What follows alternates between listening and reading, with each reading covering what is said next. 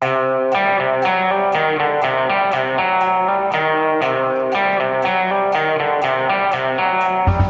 Arbeiderpartiet vil halvere ferjeprisene. Fremskrittspartiet vil gjøre det gratis. Kan noen overby dem ved å tilby passasjerene betaling mot å reise med ferje? Trump ble frikjent i riksrett for annen gang, med den største tverrpolitiske flertallet noensinne stemte for å dømme ham. Og Aftenposten er i diskusjon med seg selv om en avistegning. Dette er Gjevra-gjengen. Det er mandag den 15. februar. Eh, ja, Uh, Roar uh, Hagen, jeg starter med deg. Du har vokst opp med ferjer rundt deg. Du har bosatt deg på Nesodden, uh, hvor du daglig må ta ferje når det ikke er koronaepidemi for å komme deg på jobb. Og du er ganske engasjert i dette ferjespørsmålet. Ja, altså Når kom ferga, det er nå det spørsmålet som er det aller første spørsmålet jeg husker fra min barndom. Ja. Og Det er jo det alt handler om, er jo ferga. Når går ferga, og når kommer båten? Og hva koster det? Og ikke kjøre på ferja for jeg har sagt kjør på ferja. Så det har mange ting ved seg. Vi har jo hatt også romaner om, om fergereiser som, som, har vært med å danne liksom, eh, auraen rundt selve sjøtransporten. da. Og, men hvor står du i fergeprisspørsmålet? Skal prisene gå opp? Eh, skal de bli værende? Skal de halveres, eller skal det bli gratis? Nei, altså Det må jo koste selvfølgelig å reise med ferge, men det må jo være en rimelighet. og vi har jo sett at eh, en familie i Norddal på Sunnmøre, en småbarnsfamilie, har opptil 56 000 kroner i året for å komme seg på jobb. Altså helt alminnelig jobb. Eh, det er, det er en stor del av budsjettet. I tillegg så kommer bilutgifter og bensinutgifter og slike ting, som gjør altså transportdelen av økonomien til en veldig stor bør. Og det kan ikke være rett. Og eh, så leser vi at fylkeskommunen som styrer dette her nå, så jeg har ikke råd, men det har et overskudd på 300 millioner. Så, så det er noe som ikke stemmer her, og som har ført til et stort opprør. Og, og, i, Nord, og i, Nordland så har vi hatt eh, prisøkninger opp mot 40% Og det er drøyt. Og det er jo også et fylke som lever av eh, transport og bedrifter ute på øyene og ute på Lovund og hvor det måtte være, som, som er helt avhengig av dette. Så det, det rammer jo selve livsnerven og livsgrunnlaget for disse menneskene. Jeg skjønner godt at jeg vil eh, ha en endring. Hanne Skartvedt, politisk redaktør, det er du som bestemmer hva vi har råd til og ikke har råd til. Jeg holdt på å si her i landet eller her i VG, men i hvert fall hvor vi står i den type spørsmål. Og hva, hva sier du om dette og den politiske diskusjonen rundt det? Jeg skjønner jo veldig godt at folk reagerer når prisene går så fort opp, og de føler at de får hele regninga for elektrifisering og disse andre tingene. Samtidig så må jeg si, når du hører da Arbeiderpartiet som bare vil smakk halvere prisene, Frp som vil gjøre det gratis uh, uten å kunne redegjøre for hvor de pengene skal ta tas fra. Det er liksom, jeg vil kalle det ferjepopulisme. Du kan ikke liksom fri, frikoble dette fra alle mulige andre politiske spørsmål og bare gå inn for frislepp. Som du sa i innledningen, skal vi snart begynne å betale folk for å kjøre ferje. Du er nødt til å se alle ting i sammenheng og ha et ansvarlig overblikk. og det føler jeg at nå både Frp og Arbeiderpartiet konkurrerer om lettvinte populistiske løsninger uten å kunne fortelle hvor de faktisk skal hente de pengene.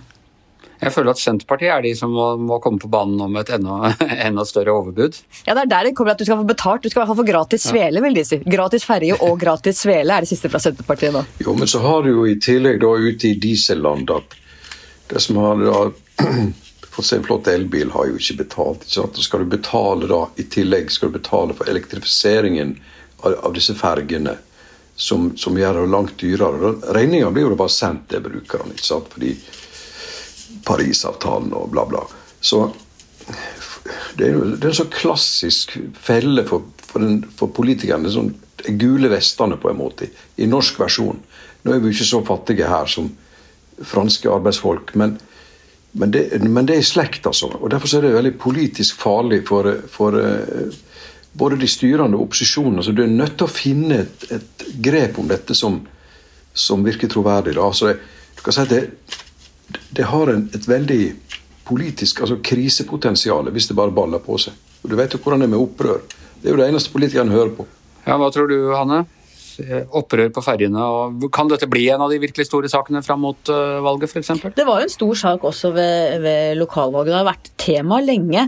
Og som Hans Petter, vår kollega som ikke er her nå, redegjorde for på vårt morgenmøte i dag, at også i 2007 var det en svær runde hvor noen krevde det, hvor daværende statsminister Jens Stoltenberg sa at nei, dette må tas innenfor de rammene som gjelder for alle typer saker og alle behov. Alt det som trenger penger.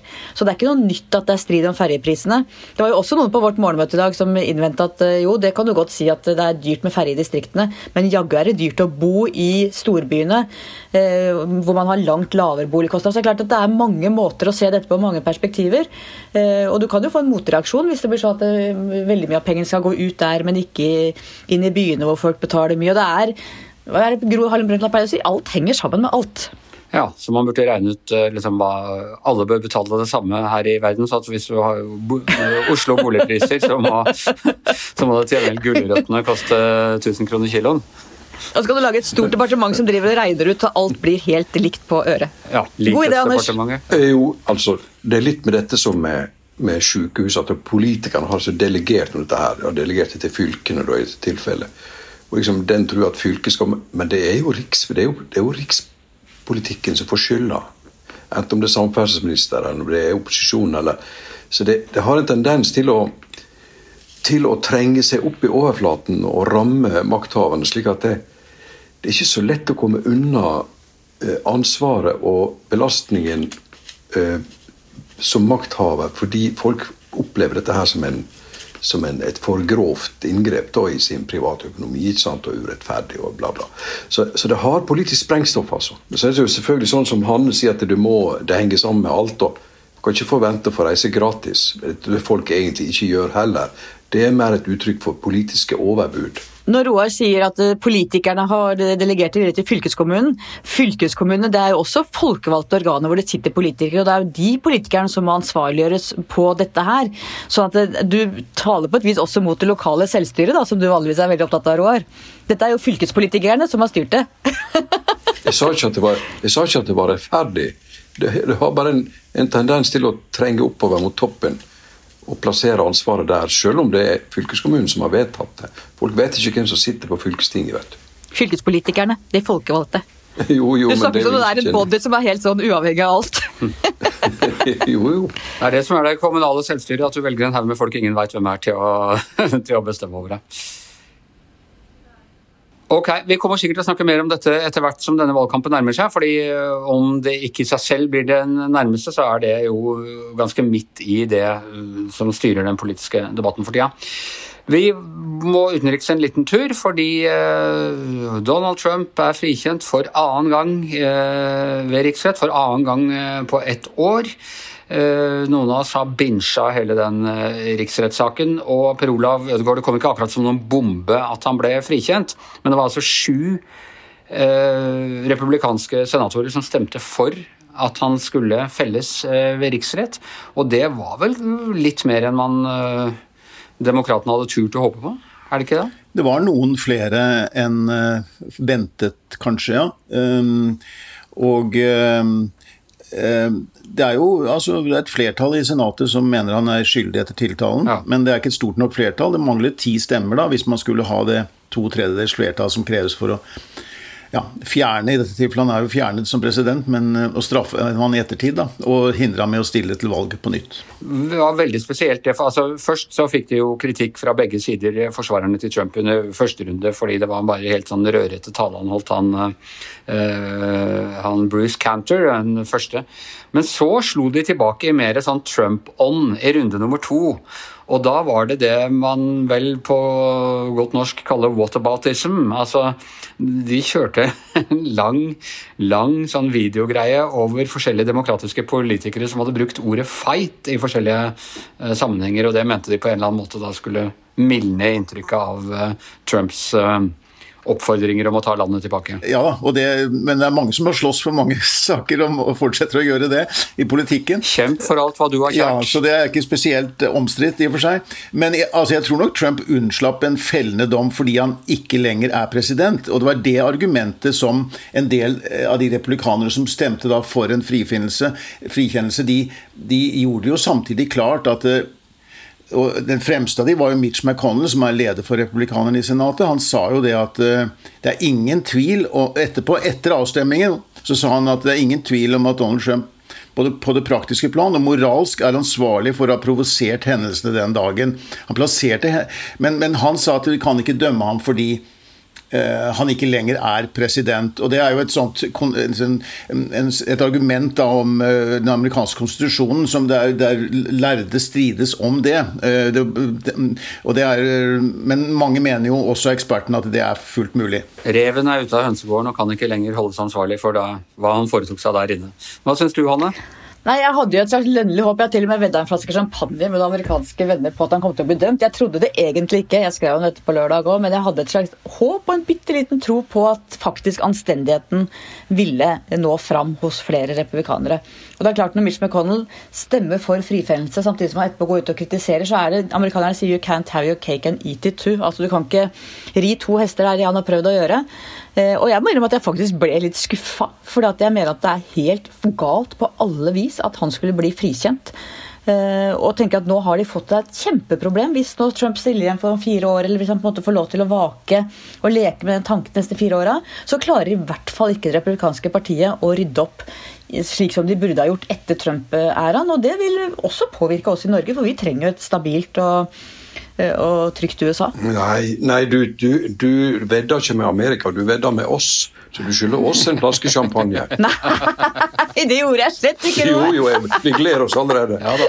Roar vil ha tilbake den flaska han tapte ved valget, valget i fjor. Nettopp, nettopp, nettopp, det må balanseres opp. Det jeg er spent på nå, er når vi hører fra Trump igjen. Altså, han har jo fratatt eh, Twitter-kontoen. Det tror jeg kanskje han kunne være glad for under denne riksrettssaken. At, at, det var en fordel for han at han ikke holdt på som han gjorde forrige gang.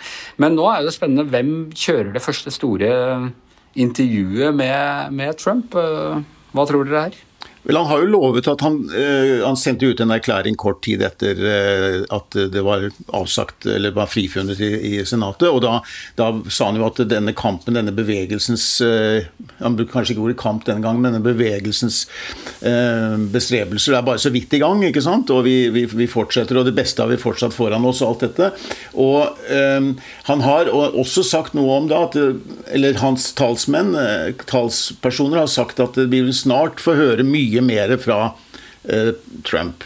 Um, og at han vil fortsatt spille en aktiv politisk rolle, tror jeg det ikke er noen som helst tvil om. Og du ser jo en del av de kandidatene som nå melder seg på, allerede nå begynner å melde seg på til valget om to år, konkurrerer nærmest om å være mest mulig pro, pro Trump, da, til å støtte hans linje. Bortsett fra, bortsett fra den kanskje mest uh, seriøse av disse kandidatene, Nikki Haley, som jo gikk ut før helgen og, og, tok voldsomt avstand fra han. Ja, om fire år, ja, som president, ja. Uh, mulig presidentkandidat. Uh, men jeg tror det, det, Vi har snakket mye om polariseringen i USA før, men nå tror jeg du ser en veldig polarisering i det republikanske parti. Blant de som mener at det er nødvendig å ta et, et oppgjør med det som har vært, og de som mener at vi må bare ha mer av det samme. Og det er klart at De som frikjente eh, Trump nå, de får jo dobbelt press. For de får både press fra de mer moderate republikanerne både i sine velgermasser og i sine partiapparat lokalt som ønsker å ta avstand fra Trump, for de har ikke levert i forhold til dem. Og de får press fra Trump-tilhengerne som mener at de på en måte ikke har forsvart han varmt nok. sånn at de, får, de kunne ved å håndtere det annerledes bare fått press fra Trump-gjengen, mens nå får de press fra begge kanter, veldig mange av disse kandidatene. De kan takke seg sjæl, spør du meg. Det skal bli spennende, spennende, å se. Vi hadde jo altså, Forløperen til Trump var jo på mange måter eh, Sarah Palin. Eh, så kom Trump, og det er spennende hva som kommer etter Trump. Det vil vi tidsnok eh, finne ut. En hjemlig kanskje liksom mest interessant i mediesammenheng, og aller mest interessant hvis man jobber på en leder- og kommentaravdeling som fortsatt er så heldig at man har en uh, tegner uh, som medlem av redaksjonen. Uh, på lørdag så skrev politisk redaktør i Aftenposten Kjetil Bragle Alstaheim en kommentar som het 'Denne tegningen ble stanset' så da en uh, tegning av uh, Marvin Halleraker, som er uh, fast tegner i Aftenposten. Må si en, en Jeg ville ikke stusset over den tegningen på noen som helst måte. Det viser en to kvinner som møtes i en fotgjengerfelt. Den ene har burka, den andre har sånn ansiktsmaske. Og så ser det liksom litt ut som den der ansiktsmasken er ut fra Klippet ut fra, fra burkaen til, til den andre jenta. Eh, og så skriver eh, skriver Alstadheim at det er alltid med en viss kriblende spenning jeg åpner e-posten fra tegner Marvin Halleraker. Hva har han funnet på nå? Som regel går tegningen rett på. Noen ganger diskuterer vi litt. Kanskje justerer han. Det kan handle om å gjøre et poeng tydeligere, eller få den til å passe bedre til teksten. Eh, Roar Hagen, tegner her i VG. Den diskusjonen har skjedd ja, ja da. Altså, jeg, jeg er jo så heldig å, å, å tilhøre kommentaravdelingen i VG, og det har jo tegningen i all min tid blitt sett på som et eget tillegg, som en om du vil, en slags dobling av eh, tankerommet rundt en kommentar. For vi har, vi, du og jeg, og du og Hanne og alle sammen, vi har jo friske diskusjoner. Men når du har levert tegninga di, da diskuterer vi ikke noe mer. Da er den levert, liksom. Forbilledlig. Absolutt forbilledlig. Og, og, dette har jo kommet til å bli et av de mest eh, eh, hva skal vi si, delikate eh, relasjoner i mediene, det er jo mellom tegner og redaktør. Altså etter karikaturstriden og alt dette dyret, så, så har det jo det, er jo det er jo veldig følsomt. Og, og det er jo slik at en tegner uten en redaktør i ryggen er jo umulig å tenke seg. For en redaktør uten en tegner i verktøykassen er jo også umulig å tenke seg, eller burde i hvert fall være. Men det gjelder jo for så vidt alle redaksjonelt ansatte. En som ikke har redaktøren i ryggen, må bare egentlig pakke snippesvikken og komme seg ut. Det som gjør det litt spesielt på tegneren, er jo at det er en veldig synlig, billedgjort, personlig kommentar som har vist seg å ha en enorm sprengkraft i seg, som kan sette både ditt avisens og, og landet sin situasjon i fare. Ja. Og, og, og, tegningen er som alt annet underlagt redaktøransvaret. Så det er redaktøren som har ansvaret til syvende og sist for hva hun eller han publiserer. Det er riktig. Og så hvis noen skal, skal nær sagt, sensurere eller refusere meg, så må det være Hanne Skartveit. Og det vil jeg akseptere fordi det er min redaktør. Og, og som, som, som, som jeg da andre vil være avhengig av en sånn gjensidighet, som en symbiose det. Så, men det må ikke være andre som gjør det. Og det må, det må ikke være ytre press. Og det har jeg opplevd gjennom min karriere, at det har vært ytre press mot, uh, mot tegningene mine, og redaktørene har stått uh, prinsipielt rak i ryggen, alle som en. Ja, og det som var saken her, var altså at uh, Alstadheim mente at denne tegningen uh, kunne gi et uheldig signal, kunne tolkes på en måte som uh, Aftenposten ikke ønsket å, å stå inne for. Altså, Hanne, det hender jo du og jeg diskuterer kommentarer jeg har skrevet, f.eks. Uh, om den helt treffer og, og, sånne ting. Det er vel en, en grei redaktørinnvending, det, er det ikke det? Absolutt, men jeg sier jo alltid til alle kommentatorene at det er din kommentar, det er du som bestemmer. Men jeg ville kanskje tenkt, eller jeg mener jeg kan kanskje leses annerledes, eller Jeg har jo aldri i min tid eh, gått inn eh, og på en måte, Jeg husker en gang hvor det var litt strid for mange år siden med en som ikke lenger eh, er hos oss, men det har aldri gått inn og bestemt sagt at dette må du eller ikke må du gjøre. Jeg kan komme med innspill, som jeg også ber om innspill fra mine kollegaer, fra dere, til mine kommentarer. Og jeg må si, når jeg leste Alstein på lørdag, så stussa jeg veldig, for jeg forsto ikke ordentlig hva han mente. For han mente jo da åpenbart at denne tegningen ikke kunne trykkes. Han hadde altså han... ikke, ikke trykket den til den kommentaren den opprinnelig var tegnet til, og så ble den trykket nå isteden til denne kommentaren her. Ja. For å kanskje anskueliggjøre dilemmaene man har som redaktør, da. Jeg vet ikke. Vet ikke hvordan det er for dere redaktører? Nei, altså, Jeg syns det har vært mer fair hvis han bare har sagt nei og, og latt det bli med det. Eh, dette er som vi har vært inne på, det er en tegning som både du sier er ukontroversiell, Anders. Jeg ville ikke hatt noe problem med å sette den på trykk. Men eh, Kjetil Beklagelig Alstein mente at den ikke kunne trykkes. Og det er en fair enough vurdering. Det er hans rett som redaktør.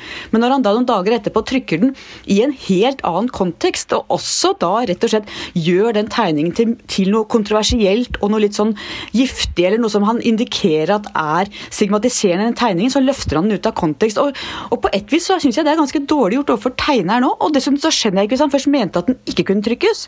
Hvorfor trykker han den da? Han gir ikke noe klart svar på det heller. Nei, jeg må si at jeg ble veldig forvirra etter å ha lest Alstein på lørdag. Hva tenker du, Per Olav? Nei, det jeg, jeg, forstår hva Hannes sier. Jeg, jeg, jeg, hadde litt vanskelig for å se begrunnelsen for ikke å bruke tegningen. Um, sånn som den var, til, til, den, til den, kommentaren. Ehm, eh, det, det, det, står, det, er fortsatt noe som jeg undrer meg noe over. Men jeg, Men dette kan sikkert vurderes ulikt fra hver fra en redaktør til en annen. Det må man jo respektere. Men jeg hadde, ikke, jeg forstod, hadde vanskelig for å skjønne det. Men grunnen til at vi nå diskuterer, og jeg mener alle, jeg, alle mine kolleger i, i, medier og sånne ting har vært veldig opptatt av denne saken i, i, i helgen. Og grunnen til at vi diskuterer det, eh, Roar, er det fordi veldig mange av oss ikke helt skjønner hvorfor den var så kontroversiell. At, at hvis tegningen helt opplagt hadde vært mye mer på kanten, så hadde man uh, forstått dilemmaet til Alstadheim mer? Ja, det har nå blitt sånn at der er jo en slags segregering i norsk offentlighet, etter min oppfatning. Det er at eh, det mange grupper er verdig en, en eh, satire, mens andre er mer kontroversielt og inkluderer i en satire osv. Dette handler jo da om eh, religionen islam, og den vil jo kanskje gjøre folk mer nervøse for hva som kan skje da. ikke sant? Så overdriver man faren osv. Så, videre, så blir det spesielt vanskelig. Langt vanskeligere enn å, å, å, ta en kristen kontekst. Så det er jo helt ufarlig. Kan du gjøre hva du vil. Så det er jo i denne De beveger seg inn i, i områder som er kontroversielle og betente, at dette her blir skummelt. Og det andre feltet vil jo være altså kjønnspolitikk og, og uh, orientering. altså seksuell orientering og også veldig kontroversielt, og metoo altså MeToo og slike ting. Så der er jo mange minefelt som man kan bevege seg nær av. Da vil jo nervøsiteten øke. Eh, kanskje også på redaktørhold og i redaksjonen ellers. Så, eh, så i den polariserte tiden vi lever i, så er det kanskje lett å bli overnervøs. Nei, tegnerne lever på symboler. og det er, jo, eh, det, er jo, veldig ofte at ulike grupper føler seg veldig krenka eller fornærma eller tråkka på. Eller, altså, eh, Roar sin Ola Dunk, Ola Nordmann, som jo er eh, Han er vel alle glad i? Jo, men, jo, men noen vil kanskje oppleve at han er, er virkelig nordmenn sånn. Altså, er, hvis man snevrer verktøykassa til tegnerne veldig inn på hva de kan bruke som symboleffekt, hvis vi liksom går inn og gjør alt det veldig konkret og veldig hvem handler om de på Stovner eller handler om de på Smøla, så blir det tror jeg, veldig vanskelig å være tegner. og Da mister vi det rommet og det veldig viktige som tegningen og satiren er i vår medievirkelighet. Per Olav? Det som har kommet ut av dette, er jo at man har fått en litt interessant diskusjon som vi ellers ikke mm, er vant med å ha. Og om, om, tegn, om tegningens plass i avisen, for det første. Om uh, forholdet med en redaktør og en tegner. Uh, om hva som, hva som, kan brukes og ikke brukes. Jeg, det syns jeg var interessant, og det har jo kommet noe, noe positivt ut av det. Jeg syns også det er litt sånn underlig å bruke en tegning Først kan man ikke bruke en tegning, og så kan man gjøre det likevel i en annen sammenheng. Og det har jeg litt vanskelig for. Men det har kommet noe positivt ut av den diskusjonen vi har nå, bl.a. Jeg har et lite eksempel fra mitt eget liv, og før Hanne sin tid, hvor en av mine tidligere redaktører kom inn en dag, bleik i ansiktet og veldig plaga, og sa at denne kan jeg ikke sette på trykk. Og lukket igjen, det var bare oss to. Et, et helt eksistensielt øyeblikk. Så sa jeg ok, det er din rett, du er redaktør, uh, og det kan du gjøre. Men jeg kommer ikke til å lage en ny for å gjøre deg blid. Det var greit. Og så gikk han ut igjen, og så var, da må du bruke et foto. Gikk han ut igjen, så var situasjonen over. Og, og vi hadde redda situasjonen oss imellom og relasjonen. Og det, den kom aldri på trykk. og det, det, Sånn var det nå den gangen. Og, og vi som trodde du var den eneste i VG som aldri var blitt redigert, eh, Roar? Jo, jeg har, jeg har blitt det et par anledninger. Ja. Og, og, vi må nok også si at han Morten M., din kollega som tegna på sistesiden, fikk også av og til stoppa en og annen uh, en og annen tegning. Men det, var, men det var før eh, erotiske tema ble dagligdags. Og det har jo ikke jeg brukt så mye, da. Men, det var før men, fronten ble verre verre enn en, ja, ja, da, enn siste siden. Ja, Det må være litt, nesten litt bittert for Morten Em å se hva slags ting han fikk stoppa nå, når du ser av og til hva vi kan ha på fronten i dag. ja, ikke sant? Det, det, kan du virkelig si. Men, men, men, dette er jo en veldig balanse, og, og, det var det var det en gang, så jeg tenkte, det var, en, det var en helt grei konfrontasjon. Det var forbilledlig. Det var ikke noe ute i media med bortforklaringer og si, forskyvninger av begrunnelser osv. Det var dette går ikke, jeg bestemmer, ok.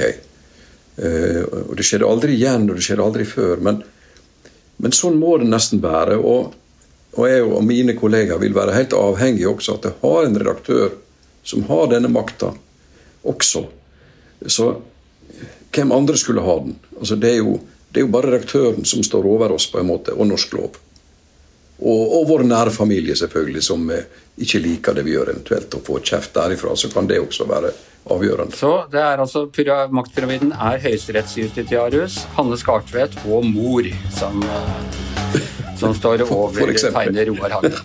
Og med det så Ja, spot the difference. Med det så tror jeg vi må si at Gjever og gjengen er eh, over for denne gang. I hvert sitt hjemmestudio Hanne Skartvedt, Per Olav Ødegaard, Roar Hagen. Jeg heter Anders Gjever, og mannen som klipper bort alle obskuniteter eh, og blasfemiske tendenser i denne podkasten, er vår produsent Magne Antonsen.